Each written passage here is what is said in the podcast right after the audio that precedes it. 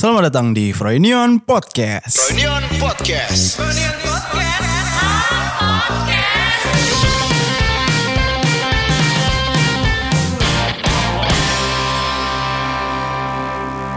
Selamat datang di Froynion Podcast, teman-teman. Kali ini saya masih sendiri karena Bung Aswin belum membaik kondisinya. Dia masih ya galau gitulah, labil dia.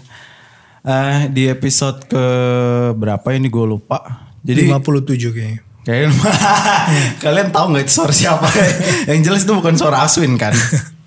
Di episode ke-57 ini setelah kemarin sama Alma, kali ini gue jadi agendanya tuh mau interview satu-satu anak kantor lagi. Gue mulai dari yang paling nggak terkenal. dari Alma. Sekarang nih selanjutnya ada member yang terakhir masuk. Namanya Tubagus Luki. Dia ini kalau gue kasih konteks ini dari gue dulu ya Ki ya. Ya boleh boleh. Dia ini tuh buat pendengar juga dia ini tuh tadinya udah di Froyo Story berapa lama gitu? 4 4 tahun. tahun. Sekarang dia ini ditugaskan untuk menjadi penanggung jawab di Froyonion.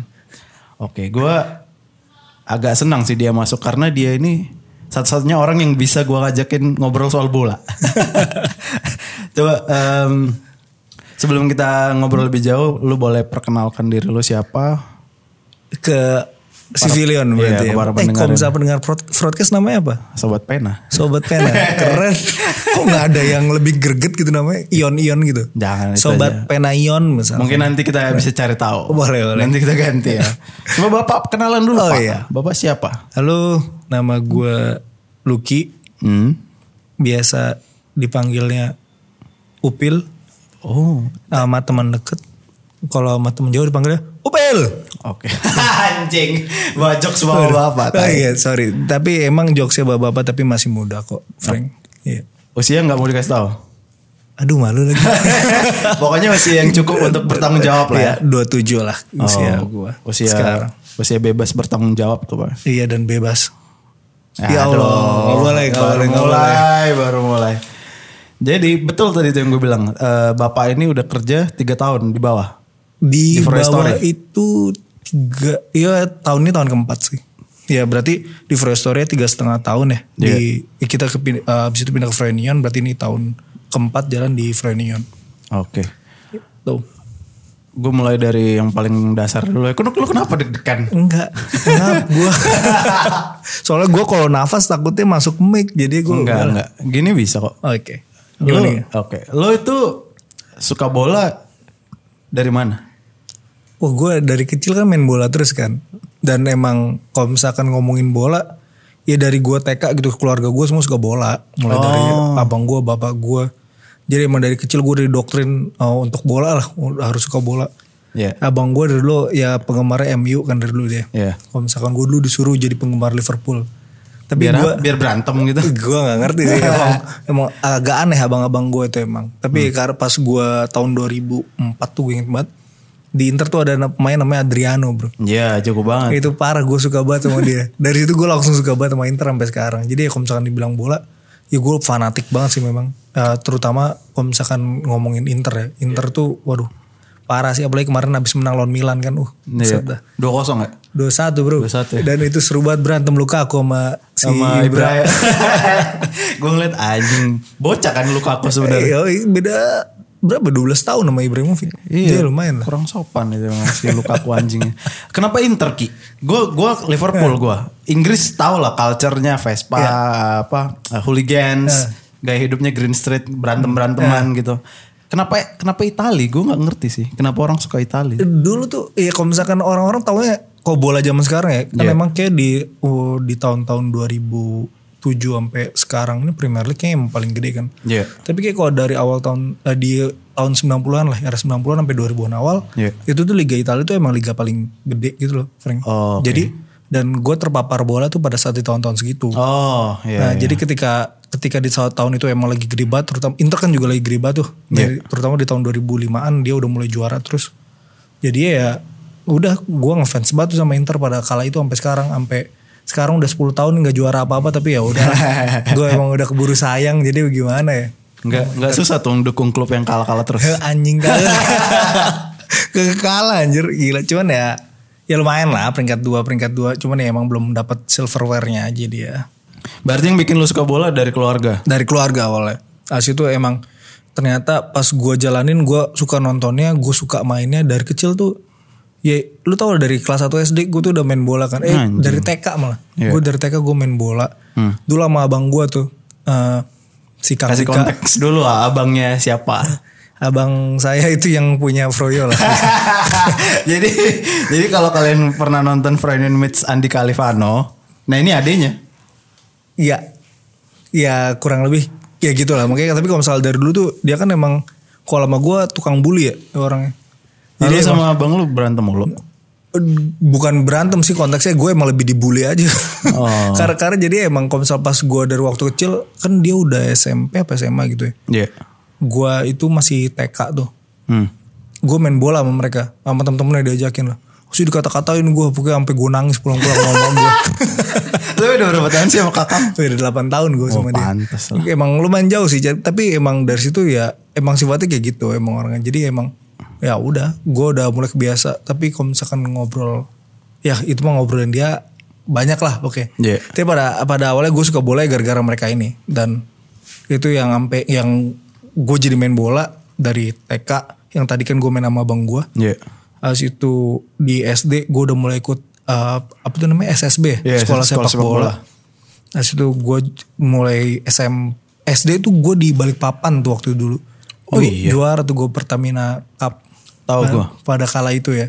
Tahun 2004 kalau nggak salah. Usia berapa gua. tuh Ki? Hmm, 10 apa 11 tahun lupa gue. Oke, masih kecil lah oke. Dan itu itu tuh waktu itu ya emang ada Pertamina Cup sama Coca-Cola Cup dulu kok di sana. Iya. Pertamina Cup juara satu, Coca-Cola Cup juara dua. Habis itu SMP gue pindah lagi ke BSD. Kan tadi kan gue memang udah di BSD. Iya. So bokap gue pindah ke Balikpapan, gue pindah ke sana. Hmm. Habis itu pas gue SMP bokap gue dipindahin lagi nih ke BSD. Jadi gue balik lagi ke BSD. Gue sekolah di Al Azhar. Ya gue ikut bola-bola lagi lah. Tapi ternyata tim gue gak sejago itu. Anjing nyalain timnya. enggak enggak, mungkin gue juga gak jago. Enggak sih, gue jago banget sih emang Frank. Tapi Oke, lu lu kan berprestasi di sepak bola. Iya. Pernah kepikiran mau nge-pursue itu sebagai karir? pengen sih Frank. Tapi Hmm. kok kata bokap nyokap gue dari dulu tuh lu mau ngapain aja main bola kagak ada duitnya. Ujungnya juga lu cuman kayak beberapa tahun habis itu lu miskin gituin gue. Iya Jadi kayak pas gue pikir Iya bener juga sih. Kan kok zaman dulu lu nggak tahu kan kalau misalkan main bola zaman sekarang, walaupun dia nggak main bola, tapi dia bisa dapat endorse dari Iya. sebagai influencer kan. Iya, iya. Tapi kalau misalkan yang dulu-dulu mana ada kayak gitu cuy. Hmm. Emang kayak jadi ya emang umurnya pendek aja. Dan uh, ketika lu fokusin main bola kan berarti lu emang fokusnya ya di physical training terus gitu. Sedangkan secara edukasinya emang mungkin agak kurang ya. Mungkin, ya itu yang gue tangkap kalau di Indonesia gitu. Makanya jadi kalau misalnya pas dipikir-pikir ya emang ternyata kok jadi pemain bola itu emang ya nggak menghasilkan kok di Indonesia. Dan jadi ya keputusan gue pada saat itu ya gue tidak melanjutkan itu karena gue fokus mainnya itu cuma sampai SMA kalau yang tanding-tanding. Cuman ketika gue udah nyampe kuliah itu gue udah oh ya main doang emang udah jadi ya, kom sampai sekarang juga sementara ya masih main-main aja tapi nggak jadi ini nggak jadi apa tuh namanya kayak dulu ikut kompetisi Serius dan lain-lain, gitu nggak. Nggak. Sekarang ikut kompetisi Mobile Legend lah bukan. Iya anjir dia main Mobile Legend loh. Ya, kita kita pindah haluan lah cari yang sesuatu yang menarik kan. Jadi lu nge-treatnya sebagai hobi aja sekarang ya? Gue sebagai hobi karena main bola tuh udah hobi banget sih. Gue gua kemarin tuh sempet ya main bola tuh pasti seminggu sekali kan. Cuman karena sekarang corona lagi gila banget nih. Iya. Nggak berani gue main bola Frank. Iya sih. Gua takut 11 tiba- orang ya, eh, 20, 22 orang. ya? 22 itu itu kalau misalkan itu kan kita nggak tahu tim lawannya ada yang sakit Iya, atau habis apa. ngapain ya. Makanya sekarang gue jadi kayak ya sekarang stop dulu lah.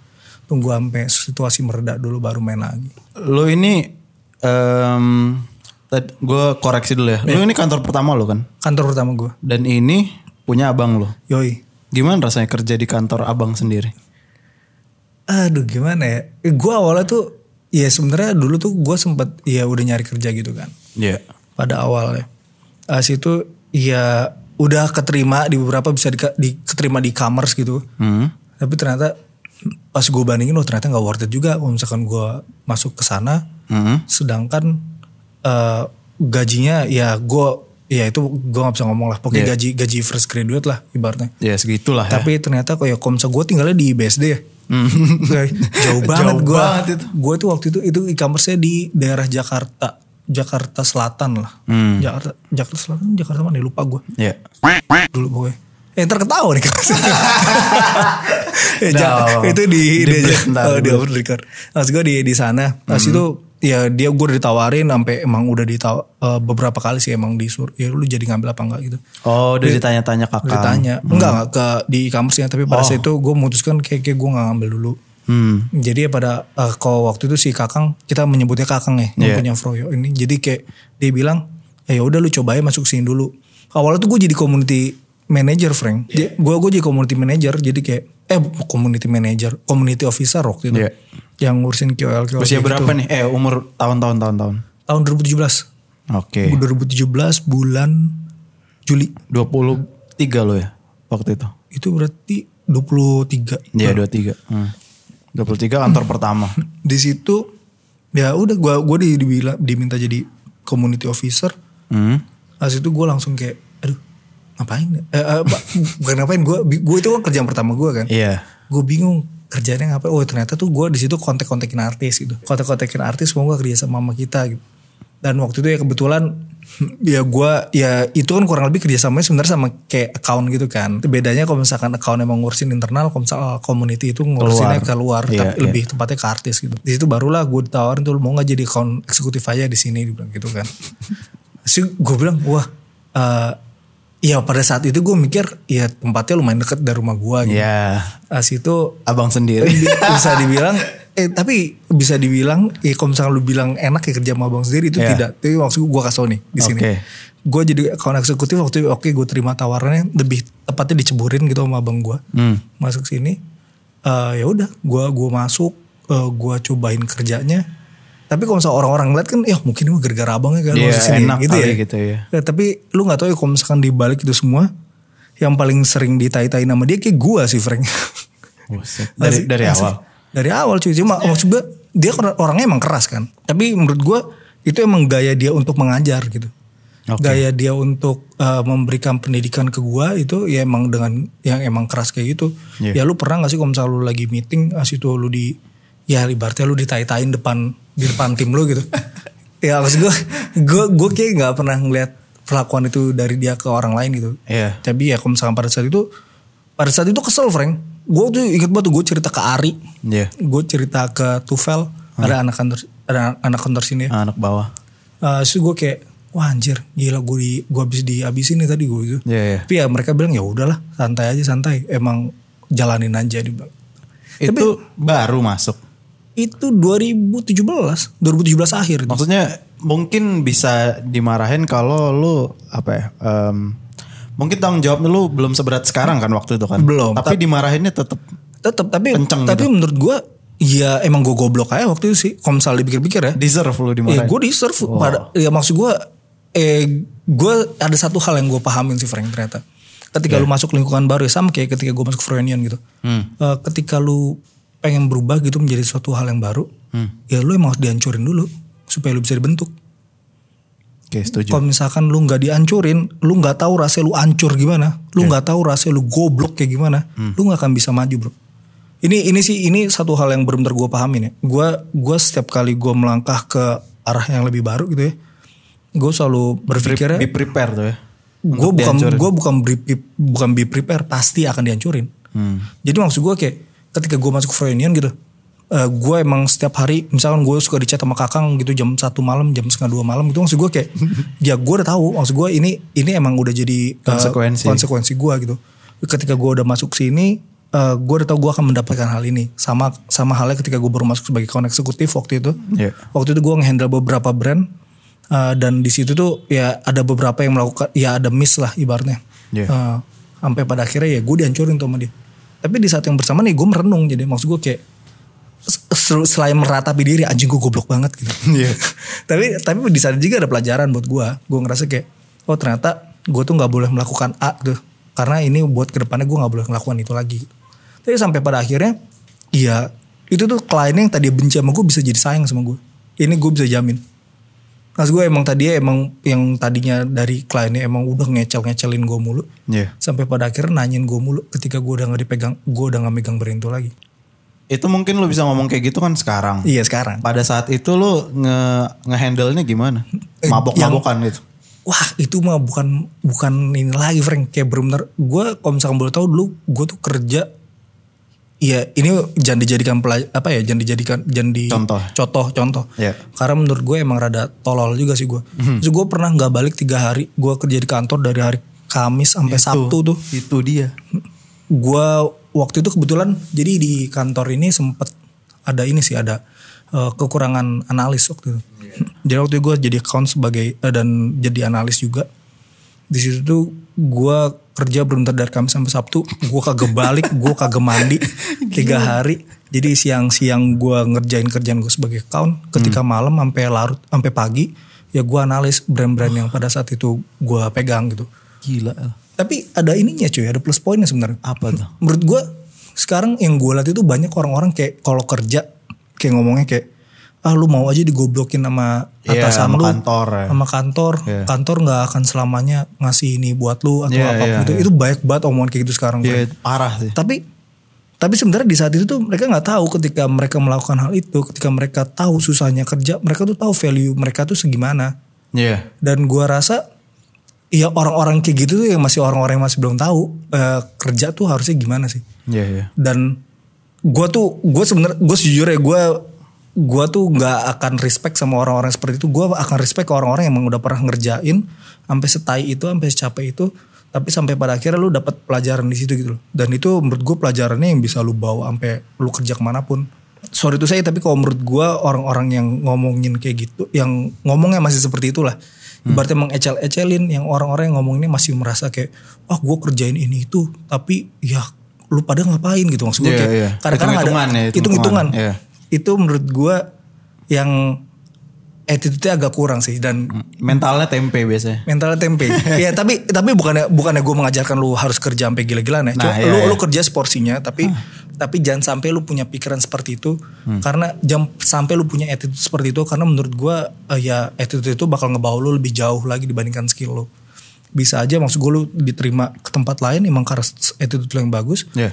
Skill lu akan berbarangan akan maju juga gitu. Iya. Karena ketika lu masuk ke tempat yang baru melalui attitude yang bagus, Hmm. lu akan ditim- ditempa dengan skill yang baru juga di sana.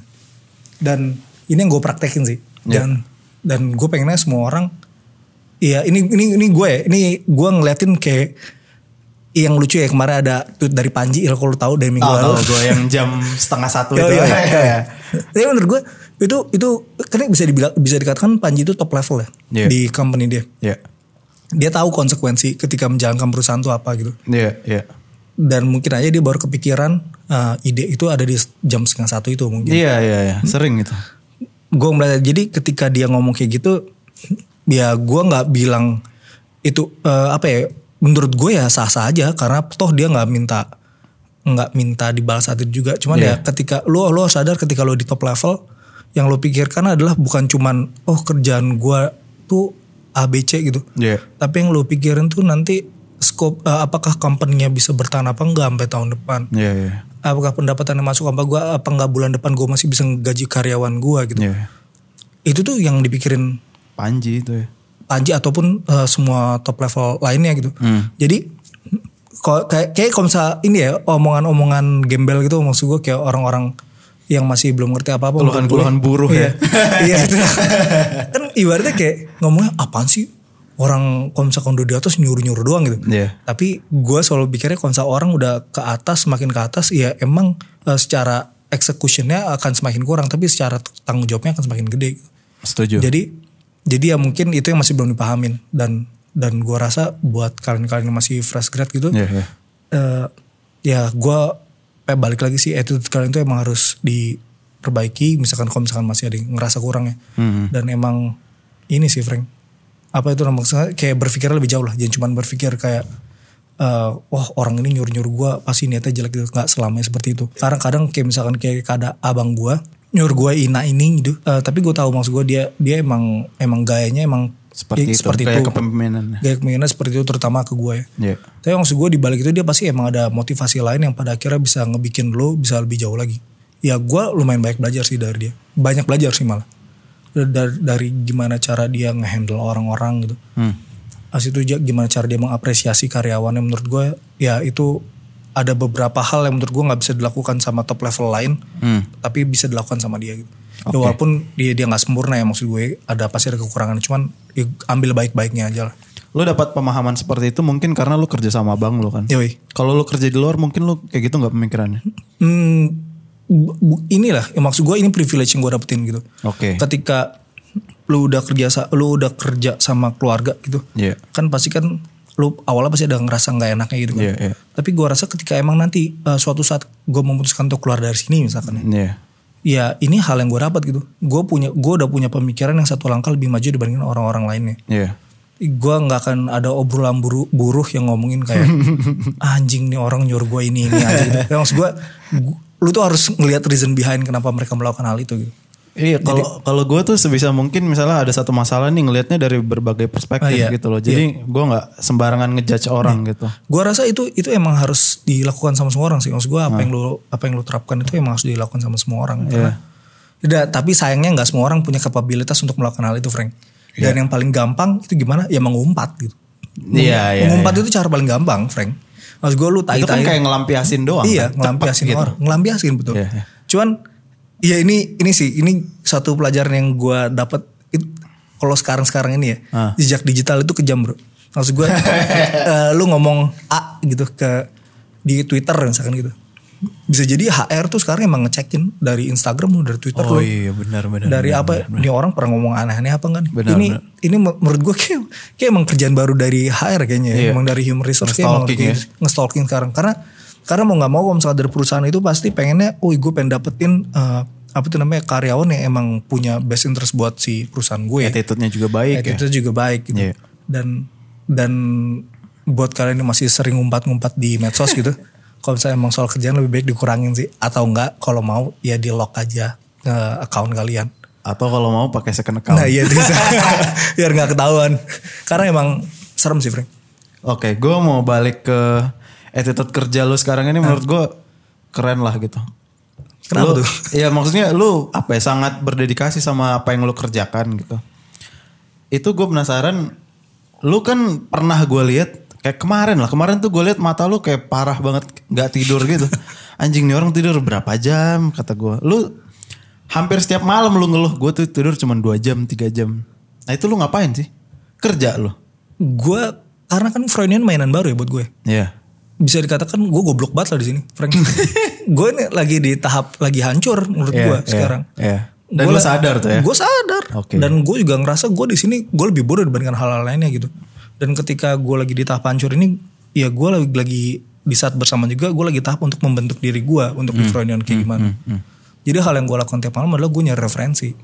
Maksud gue ketika kita syuting gitu, Iya. ya awalnya gue nggak tahu nih apa yang harus kita eh, apa tuh namanya eh, lagi syuting tuh kita harus ngapain sih? Ya ibaratnya gua Awing Kino iya. lagi ngapain lu nggak tahu tuh ya. Gue nggak tahu lu ngapain. Jujur aja. Oke. Maksud gue buat anak kan eh buat pen- sobat pena nih. Iya, iya. Saya tuh bukan orang kreatif. Iya. saya itu saya itu yang bisa eh gue bisa dikatakan gue bisa bisnis lah gitu. Iya, iya. Maksud gue gue mau mengembangkan bisnis di Froynion gitu. Hmm. Cuman kalau secara kreatif ya gue nggak bisa gitu. Tapi Hmm, ya kenapa lu nanya gue tidurnya kurang gitu. Iya. Gue coba cari referensi gimana caranya eh, misalkan kalau misalkan emang lagi mau bikin eh kita lagi syuting lah ibaratnya Iya. itu tuh harus ngapain lightingnya biar bagus tuh kayak gimana gue cari referensi yang bagus-bagus kayak Kalau nyari kayak tolak ukurnya juga. betul Jadi- dan gue juga cari eh, treatment kamera yang bisa dimainin kayak gimana Iya, iya. ini tapi lucu ya cuman gue ngerasa TikTok itu sangat ngebantu di saat Memang ini, sih, di memang. saat ini karena karena di TikTok itu ada ada yang apa TikTok learning ya seinget gue Hmm, namanya ah, iya. hashtagnya di situ lu bener-bener eh, kalau lu mau nyari tentang kamera di situ emang dikasih tahu mereka caranya gimana. Lu biar biar apa tuh namanya komsal eh, Transisinya. transisinya yang bagus tuh kayak gimana. Hmm, itu ya itu gue pelajarin dari situ. Itu itu pertama sih. Itu kan itu dari teknis ya. Iya. ya mungkin dari teknis gue ngerasa gue cuma perlu tahu itu dari kulitnya aja. Hmm. karena gue rasa eh, kalian-kalian ini lebih ngerti dibandingkan gue tapi seenggaknya gue harus tahu apa yang gue lakuin yang kedua yang sebenarnya yang lebih pengen gue tahu itu itu gimana cara ngembangin bisnisnya Froynion Oke. karena kan kita kan punya beberapa lini bisnis ya Eh, misalkan kita punya YouTube gitu konten konten-konten di YouTube Iya. kita punya Instagram Mm-mm. kita punya broadcast ini juga Iya. menurut gue podcast juga salah satu hal yang emang lagi gede sekarang gitu dan nggak ma- nggak menutup kemungkinan cold broadcast itu bisa menjadi salah satu yang lebih paling besar di Indonesia itu nggak menutup kemungkinan menurut Iya, gue iya. asalkan dikembanginnya secara benar gitu. maksudnya kayak Hmm. lu tahu step next step yang harus lu lakuin itu apa jadi hal yang gue lakuin adalah gue nyari referensi untuk itu maksud gue gue nyari bisnis model yang tetap eh, tepat untuk eh, aset-aset yang kita punya lah ibaratnya jadi ya sampai sekarang gue masih di tahap prototyping lah ibaratnya Hmm.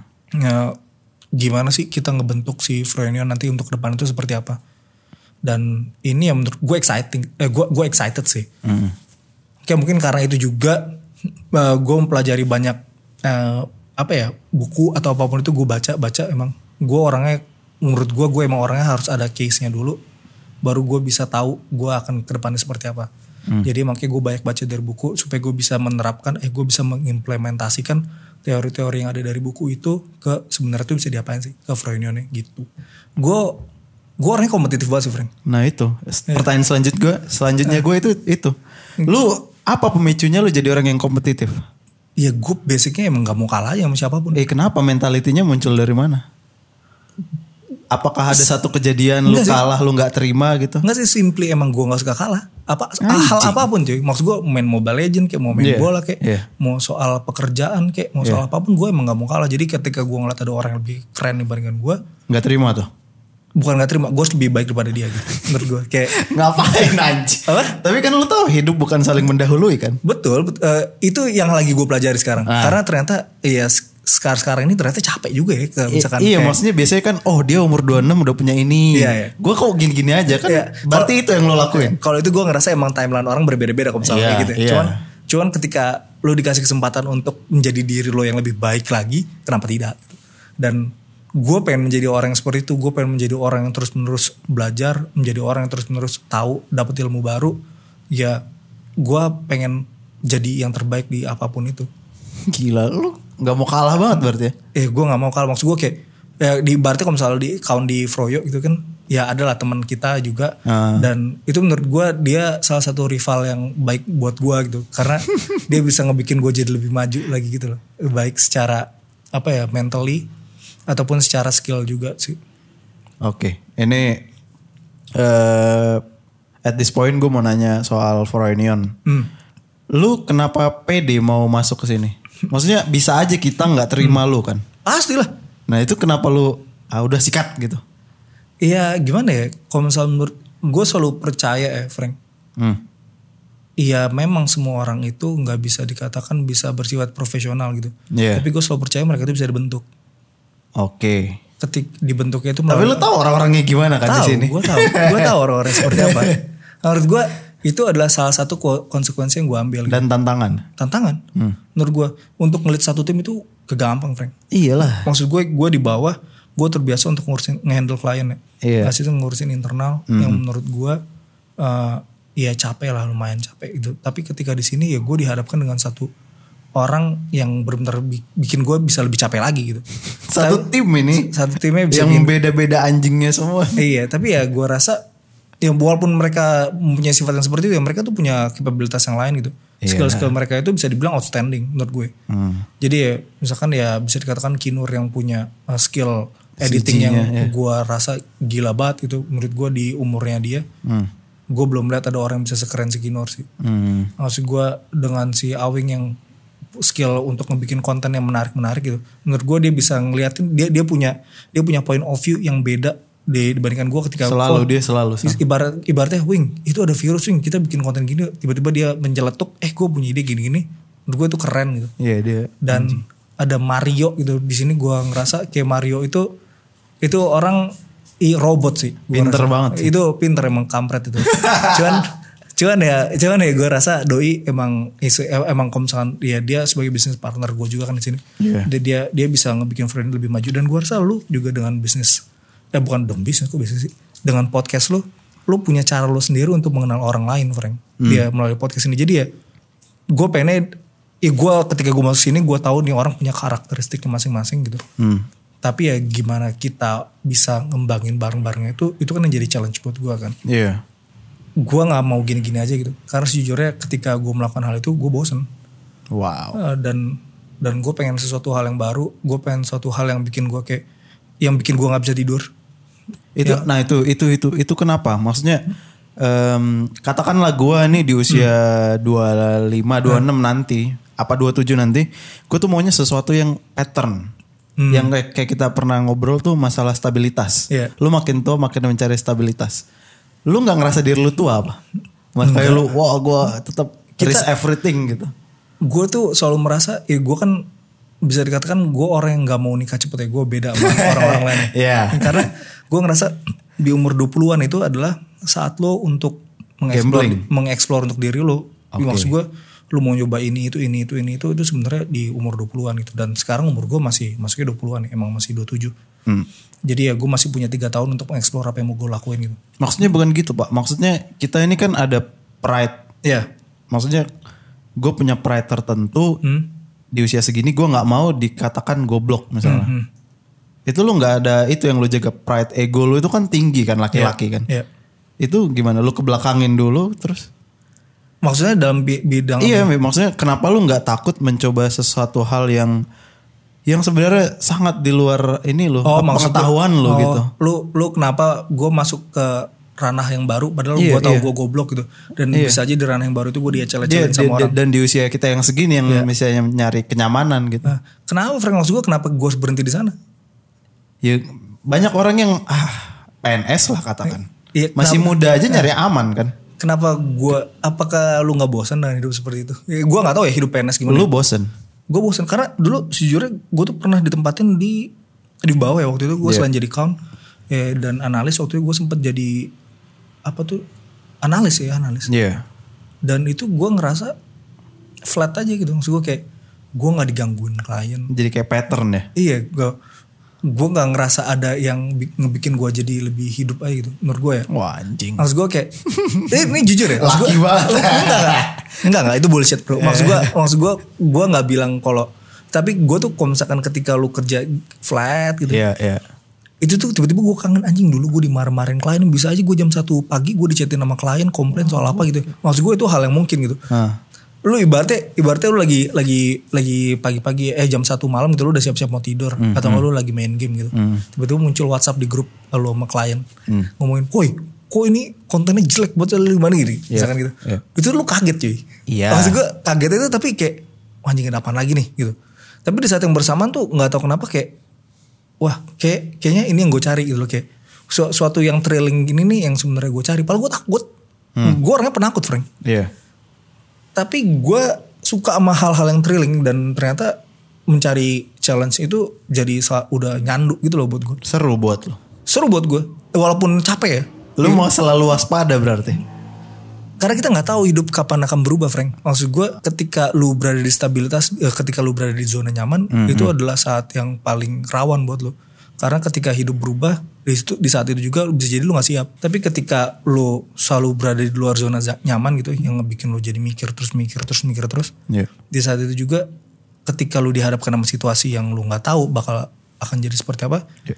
ya lu kepikiran untuk melakukan sesuatu hal gitu yang bahkan orang lain nggak kepikiran mungkin itu kali ya yang bikin gue jadi senang ketika take the risk gitu itu yang gue senang deh Wah mentality lu gila sih. Enggak sih Frank Lu- belum belum keren gue Hah itu nggak banyak sih orang yang gue temuin kayak gitu. Maksudnya untuk mau selalu waspada gitu kan. Maksudnya lu kan berarti mempersiapkan worst case kan.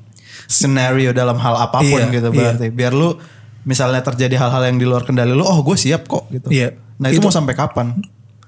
lu selama hidup yang kayak gue tadi bilang cuy Wah enggak Jadi hidup itu nggak akan nggak akan nggak akan selamanya nyaman gitu loh. Hmm. Maksud gue saat ini bisa aja lu nyaman gitu kayak dengan gaji lu yang cukup. Masih Iya. tiba-tiba kayak tahun 2020 siapa sangka banyak orang yang di lay off gara-gara covid. Apa yang akan lu lakukan ketika hal itu terjadi?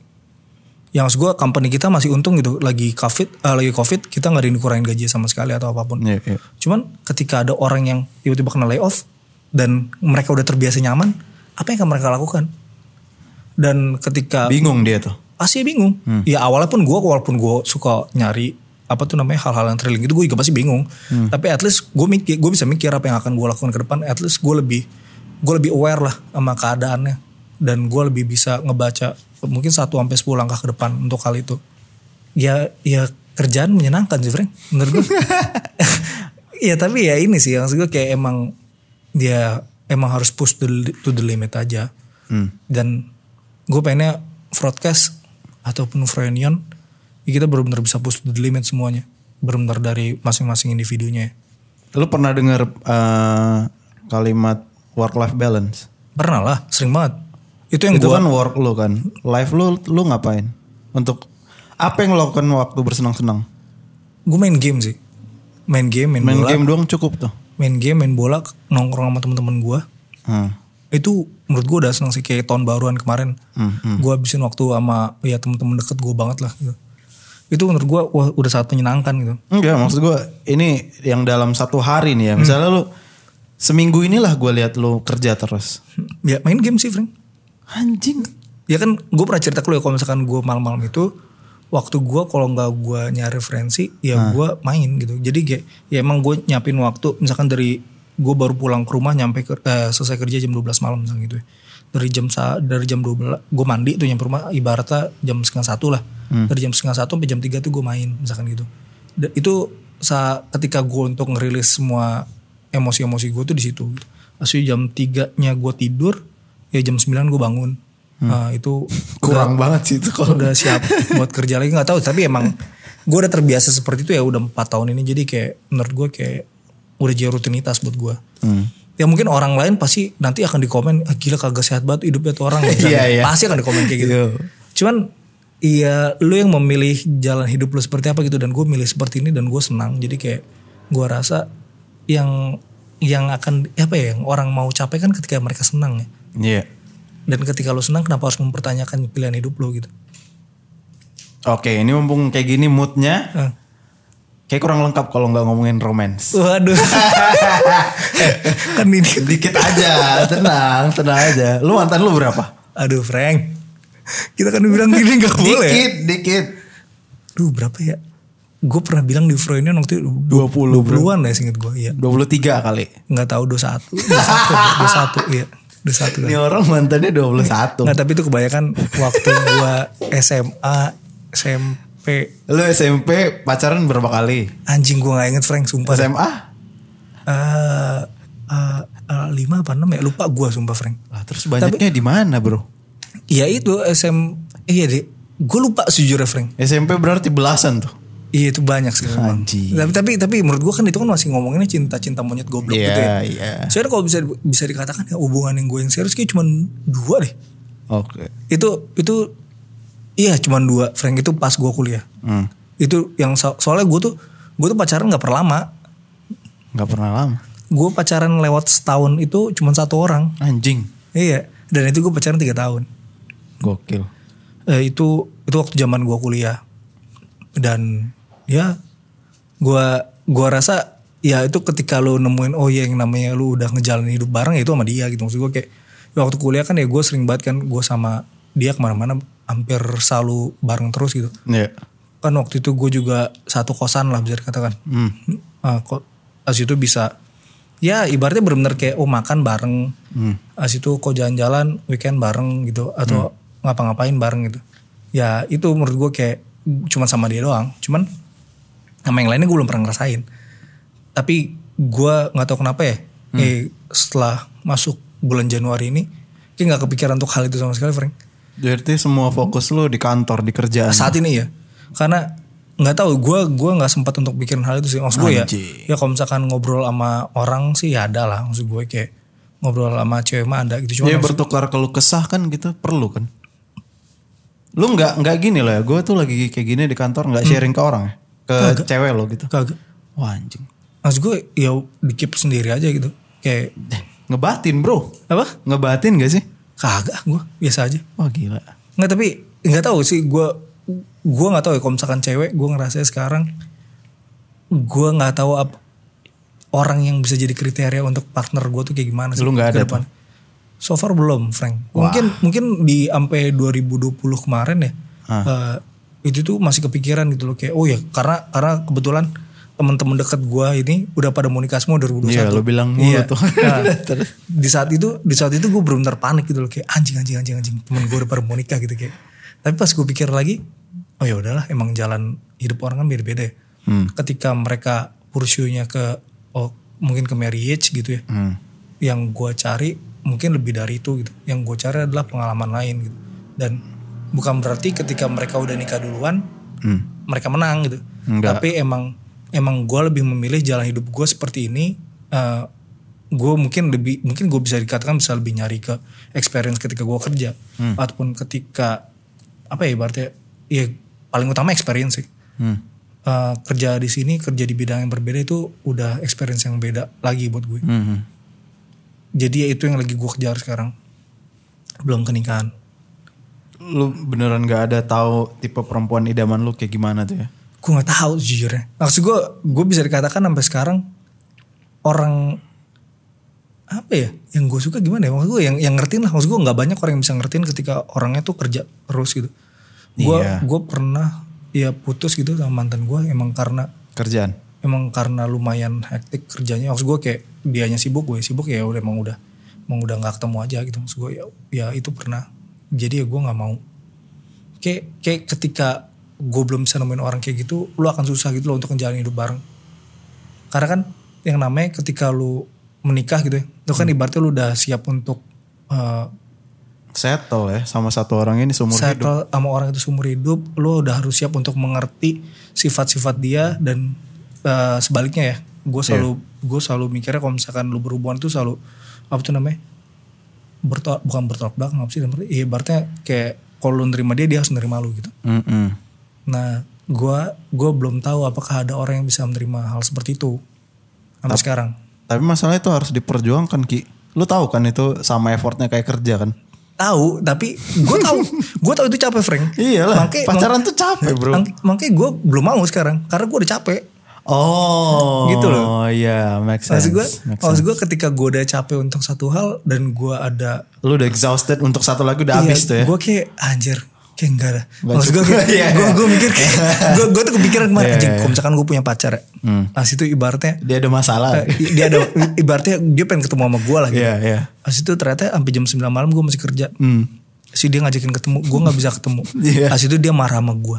As itu ntar gue kerjaan gue jadi terbengkalai gara-gara gue, oh marah dong, marah dong. gitu. Iya, ya bujuk-bujuk As- lah. Iya, as itu ibaratnya gue gue nggak tahu kapan gue gue nggak bisa fokus ke Satu. sa- ke satu dan gue nggak bisa fokus ke yang lain kecuali Hmm. kecuali ya emang kok lu punya partner emang yang bisa bisa apa ya mengerti keadaan lu lah. Gak Ibaratnya- bisa bro. Gini. Enggak, lu, lu tuh lu tuh harus ngerti gue gue ya kalau misalnya lu ngomong kriteria satu deh. Iya. Kriteria gue adalah ketik orang yang bisa mengerti itu Hmm. karena di umur 20-an itu adalah saat kita struggling Iya setuju. karena kita bukan orang yang punya privilege eh, materi ya Hmm. yang dari lahirnya udah kaya yang gue gue mau nikah umur 15 tahun juga bodo amat gitu maksud gue kayak ya itu gue nggak gue nggak punya privilege itu Frank Iya. jadi kayak eh, gimana yang selalu gue pikirin adalah ini yang selalu jadi eh, beban gue beban pikiran gue gue nggak mau nikahin orang ketika gue belum settle Oke. gue nggak mau gue jadi beban buat dia gue nggak mau gue jadi beban buat keluarga dia gue nggak mau jadi beban buat keluarga gue sendiri. Gue nggak mau ketika gue apa ibaratnya gue nggak punya materi gitu ibaratnya apa ya kayak istri gue sakit misalnya gitu. Iya, iya. as itu gue nggak punya duit gitu kan. Iya. maksud gue pinjem sana sini.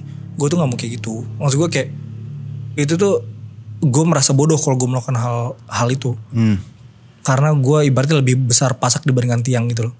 Dan makanya gue nggak mau nikahin orang ketika gue belum settle makanya yang gue cari adalah sekarang eh, supaya gue jadi settle gue punya banyak duit dari situ dari situ gue baru bisa nih oh nih gue udah gue rasa gue udah punya punya uang untuk bisa nikahin anak orang untuk bertanggung jawab ke anak orang lain gitu karena ketika lu menikah kan lu bertanggung jawab untuk si anak itu kan Dan keluarganya dan mungkin. keluarganya Iya. dan ibaratnya ke bapak ibunya lah ke orang tuanya Iya juga. gua gua nggak mau orang tuanya itu eh, terbebani punya menantu yang nggak bisa apa ya menjaga Menanggapi iya, menanggapi anaknya gitu itu bro kan lu katanya mau nikah nih Enggak, gue belum. Masih lama gue.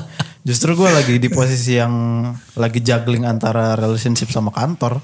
iya makanya tapi Susah pusing tuh. kan Susah, pusing, kan? banget. iya Udah pusing di kantor maksudnya ada nanti saatnya eh gue tuh butuh perhatian loh gitu. Nah. ya, nah itu gue anjing. Itu gua belum siap, Frank. Gimana nih gue nih?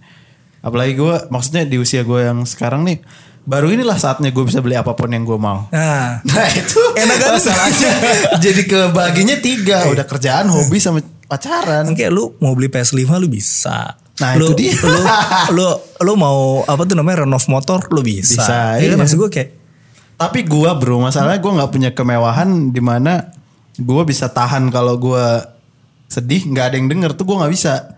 Hmm. Gue misalnya gue rusak di kantor nih, ada masalah, gue tuh harus sharing ke orang. gue sharing ke temen-temen gue, Frank. Masalah gue nggak seganteng lu yang bisa datang ke bar terus bawa Anjing. gue gue nggak pernah gitu bang. Saya tanya temen-temen gue, gue bukan anak bar. Ya sorry. sorry. Enggak maksud gue, gue punya temen, maksud gue temen-temen ya ibaratnya circle terdekat gue lah. Mereka mereka yang siap untuk dengerin kesah lo ya? keluh kesah apa pun itu. Menurut gue kayak Iya, gue nggak ada bro.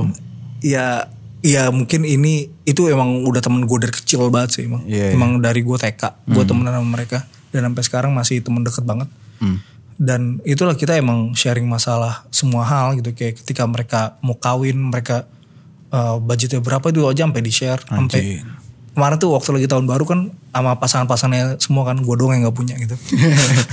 Di saat itu emang udah ngomongin nikah mereka emang udah langsung kayak eh lu kalau mau pakai MU wah yang ini aja nih gue dapat murah gitu gitu kayak eh gue kagak ngerti nih orang ngomongin apaan sih sebenarnya. Cuman cuman ya itu baik sih. Eh, yang gue dan circle gue pengen ciptakan adalah ketika lu punya pasangan gitu kita pengen itu yang semua itu bisa deket sama pasangan kita juga. Karena kita sebagai teman-teman kan gue circle ada ada empat nih eh berlima. Hmm. cowok semua emang dan yang empat punya cewek nih Iya. empat empatnya pengen nikah tahun ini yang satu bulan Juni dua bulan Juli satu bulan Oktober Oh anjing. itu udah pada mau nikah semua jadi ke alasan kita selalu pengen kita tuh pengen ngadain liburan emang ya kalau misalkan nggak bisa sering-sering ya seenggaknya satu tahun sekali Oke. tapi di mana para pasangan kita pun bisa Ikut. ikut dan dia emang bisa ngobrol satu sama lain gitu. Nah ini ini juga mungkin kalau ngomong kriteria ini salah satu kriteria gue juga. Gila Ya, sobat itu bro. emang yang emang bisa masuk ke satu sama lain sih. Eh, menyenangkan loh Frank punya pertemanan seperti itu. Iya cuman jadi nambah lagi tuh kriteria lu nyari cewek yang itu susah banget. Itu susah, gua. itu susah. Kalau kriteria putih, rambutnya bagus udah gampang lah. itu susah Frank. yang mengerti lu kerja, yang bisa blend in sama, sama Iya. teman-teman lu, wah. Itu itu itu kayak paling penting buat gue sekarang. Gue telak. so banget pak itu pak. Yang kayaknya ya, iya kan gue juga nggak buru-buru jadi ya santai. Iya sih. Oke ini pertanyaan paling klise dan menuju akhir. Apa tuh? Berarti keresahan lu akhir-akhir ini apa? Keresahan gue. Hmm. Iya, iya gue baru dua bulan ya di sini. ya. Hmm, hmm. Tapi yang paling yang paling bikin gue nggak bisa nggak bisa tidur adalah ketika kita bikin konten YouTube gitu, Hmm. dan viewsnya jelek, itu tuh gue nggak bisa tidur. Wah anjing. Habis itu ah, belum itu kan itu kan dari eksternal ya. Cuman maksud gue views itu kan dari eksternal. Habis itu ketika kita eh yang kemarin lah ibaratnya kita mau ada plan ke mana-mana, Iya. tapi itu masih belum kejadian Pandemi. gara-gara pandemi. Hmm. Itu lumayan meresahkan buat gue Frank karena gue ngerasa kita harus kita harus ngelakuin ini karena emang kalau kita nggak melakukan gebrakan kita nggak akan maju Hmm. dan eh, satu lagi sisi, di sisi bisnis sih Oke. maksud gue biar kita eh, gue nggak munafik lah Iya. kita sebagai kita kan company ya Iya. Dan kita juga harus menghasilkan gitu Hmm. ketika kita nggak menghasilkan kita nggak bisa menghidupi karyawan-karyawan dalamnya Hmm, hmm. Sama nggak bisa bikin konten. Iya betul nggak bisa bikin konten. Makanya itu yang itu tiga hal yang bikin gua jadi nggak bisa tidur sih sekarang. Ya sejujurnya karena iya gua kayak gua care banget sih sama company ini itu maksud gua kayak gua emang dan gue pengen semaju itu dan gua ketika gua ngerasa gua belum bisa ngebikin company ini maju Hmm. eh, itu itu gua ngerasa gua failed aja dan gua harus bisa ngebikin itu jadi kenyataan Ya, itu sih Harapan lu buat kita, buat Frenion. gue pernah nge-tweet kemarin Hah? gue gue cuman ada tiga harapan gua di tahun 2021 Ah. yang pertama adalah ket- supaya lu menjadi ten, apa ya tet- bisa tetap tenang ketika lu lagi di masalah-masalah yang sulit ya itu kelihatannya gampang ya cuman ternyata pas lu lakuin itu susah gitu. Susah, susah. yang kedua itu gue pengen coba lari half marathon Uh. 21 kilo ya gue emang hobi lari Iya. Eh, itu ya gue nggak usah ikutan eh, apa tuh namanya eh, kompetisi-kompetisi kayak gitu cuman gue pengen lari sendiri 21 km Oke. Dan yang ketiga itu sebenarnya Froynion 1 juta subs di YouTube. Itu wish gue di 2021 sih. Dan gimana cara kita mencapai hal itu ya emang harus dijalanin. Kan Januari sekarang ini kita udah mulai rajin ya bikin konten. Iya. podcast kan emang udah selalu ada tiap minggu. Kalau misalkan Instagram YouTube- lagi aktif. Instagram lagi aktif banget. Kemarin pun emang konten-konten udah dibikinin. Bahkan sampai Februari itu YouTube pun kita emang udah mulai rajin satu minggu satu kali. Mhm. dan ini pengen gue rutinin sampai akhir tahun karena di sini pun kita juga punya civilion gitu yang yang Nunggu terus. yang ibaratnya nunggu lah Hmm. ya kok Froyonion nggak pernah bikin konten gitu Iya. dan gue nggak pengen mengecewakan mereka juga sih karena Oke. menurut gue salah satu hal yang bisa bikin Froyonion besar adalah dari civilionnya dari sahabat pena juga Setuju, setuju. jadi ketika kita loyal ke mereka dengan cara kita selalu bikin konten ya mereka akan loyal ke kita juga Nah, mereka akan terus mendukung kita lah ibaratnya Hmm. jadi itu yang ya wish gue cuma tiga tapi gue rasa itu punya makna yang besar buat gue sih di 2021 Oke, jadi eh gue rasa gue nggak berkewajiban untuk ngebungkus Hmm. apa ya pelajaran-pelajaran dari pembicaraan ini. Biarlah para pendengar yang ya yang mendapat apa ya, yang nyari pelajarannya sendiri dari Uki. Intinya di podcast ini nih wadahnya Uki untuk berkenalan sama si Leon, sama sobat pena kalau ada orang baru di Froynion dan dia ini bertanggung jawab penuh atas apa yang kita keluarkan, konten maupun dari segi bisnis luas gitu. Ya gue rasa itu aja. Terima kasih sudah mendengarkan Froynion Podcast episode ke-57 ini. Saya Haris Pranky dan saya tuh bagus Luki kami pamit. Bye. bye